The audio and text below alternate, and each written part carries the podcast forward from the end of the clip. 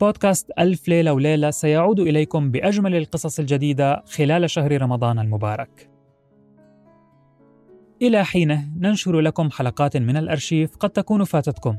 نتمنى لكم حسن الاستماع ولا تنسوا الاشتراك أينما تستمعون لنا كي يصلكم كل جديد.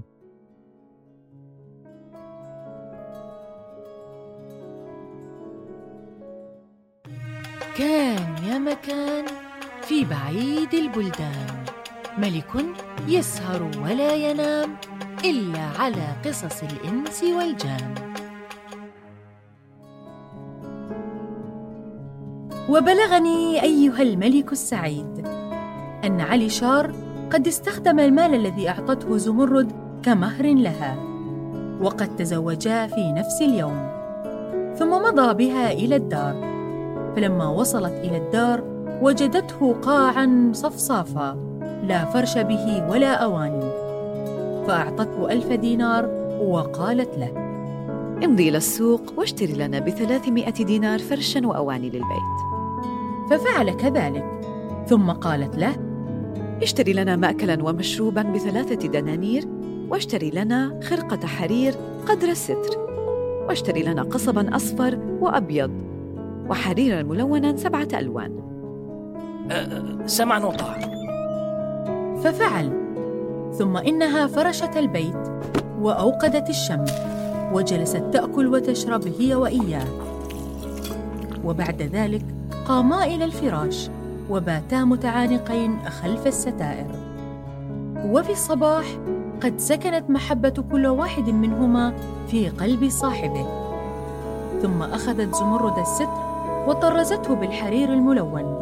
وزركشته بالقصب وجعلت فيه منطقة بصور طيور وصورت في دائرها صور الوحوش. ولم تترك وحشا في الدنيا إلا وصورت صورته فيه.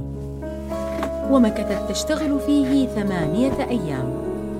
فلما فرغ صقلته وطوته ثم أعطته لزوجها وقالت له اذهب به إلى السوق وبعه بخمسين دينارا للتاجر.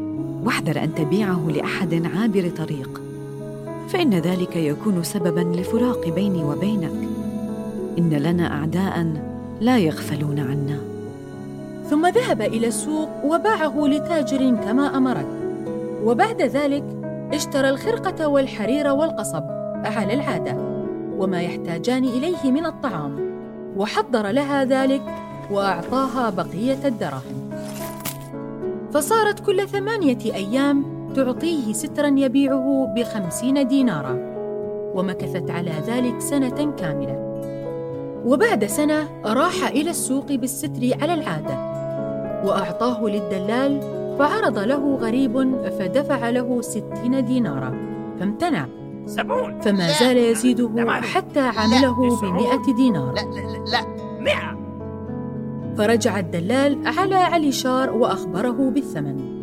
وتحايل عليه في أن يبيع الستر للغريب بذلك المبلغ. وقال له سيدي لا تخف من هذا الغريب وما عليك منه بأس. وقامت التجار عليه فباعه للغريب وقلبه مرعوب. ثم قبض المال ومضى إلى البيت فوجد الغريب ماشيا خلفه. فقال له يا غريب ما لك ماشيا خلفي؟ آه يا سيدي إن لي حاجة في صدر الزقاق الله لا يحوجك. فما وصل علي شار إلى منزله إلا والغريب لاحقه. فقال يا هذا ما لك تتبعني أينما أسير؟ يا سيدي اسقني شربة ماء فإني عطشان وأجرك على الله. فقال علي شار في نفسه هذا رجل ذمي وقصدني في شربة ماء. والله لا أخيبه ثم دخل البيت وأخذ كوز ماء فرأته زمرد. فقالت يا حبيبي هل بعت الستر؟ أه نعم. لتاجر أو لعابر سبيل؟ قد أحس قلبي بالفراق. أه ما بعته إلا لتاجر. أخبرني بحقيقة الأمر حتى أتدارك شأني. وما بالك أخذت كوز الماء؟ ليسقي الدلال. لا حول ولا قوة إلا بالله العلي العظيم. ثم أنشدت هذين البيتين. يا طالبا للفراق مهلا فلا يغرنك العناق. مهلا فطبع الزمان غدر وآخر الصحبة الفراق.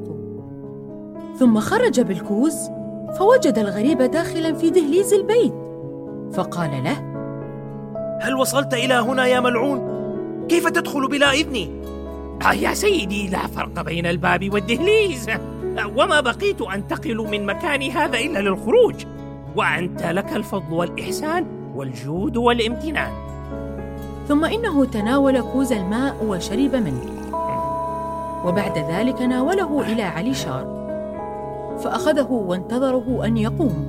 فما قام؟ فقال له لأي شيء لم تقم وتذهب في حال سبيلك.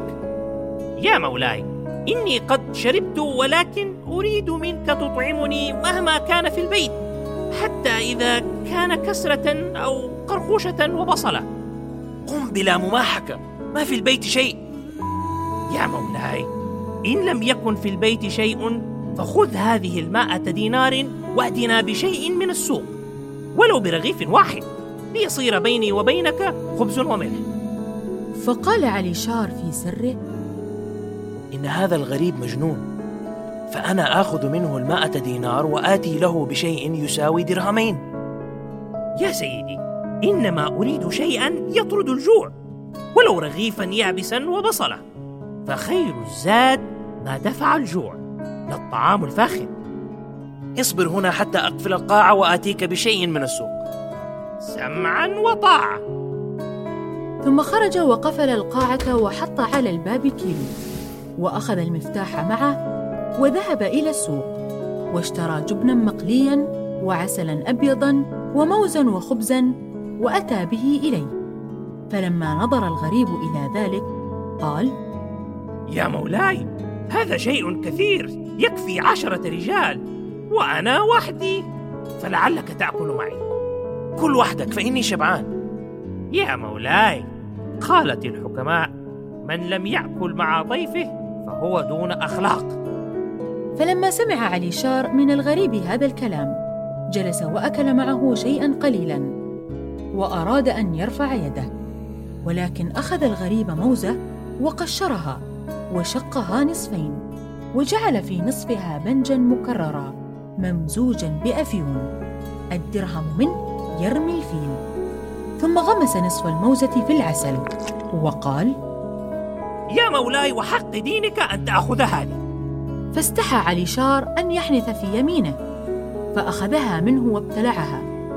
فما استقرت في بطنه حتى سبقت رأسه رجليه وصار كأن له سنة وهو راقد فلما رأى الغريب ذلك قام على قدميه كأنه ذئب أمعط أو قضاء مسلط. وأخذ منه مفتاح القاعة وتركه مربيا. وذهب يجري إلى أخيه وأخبره بالخبر.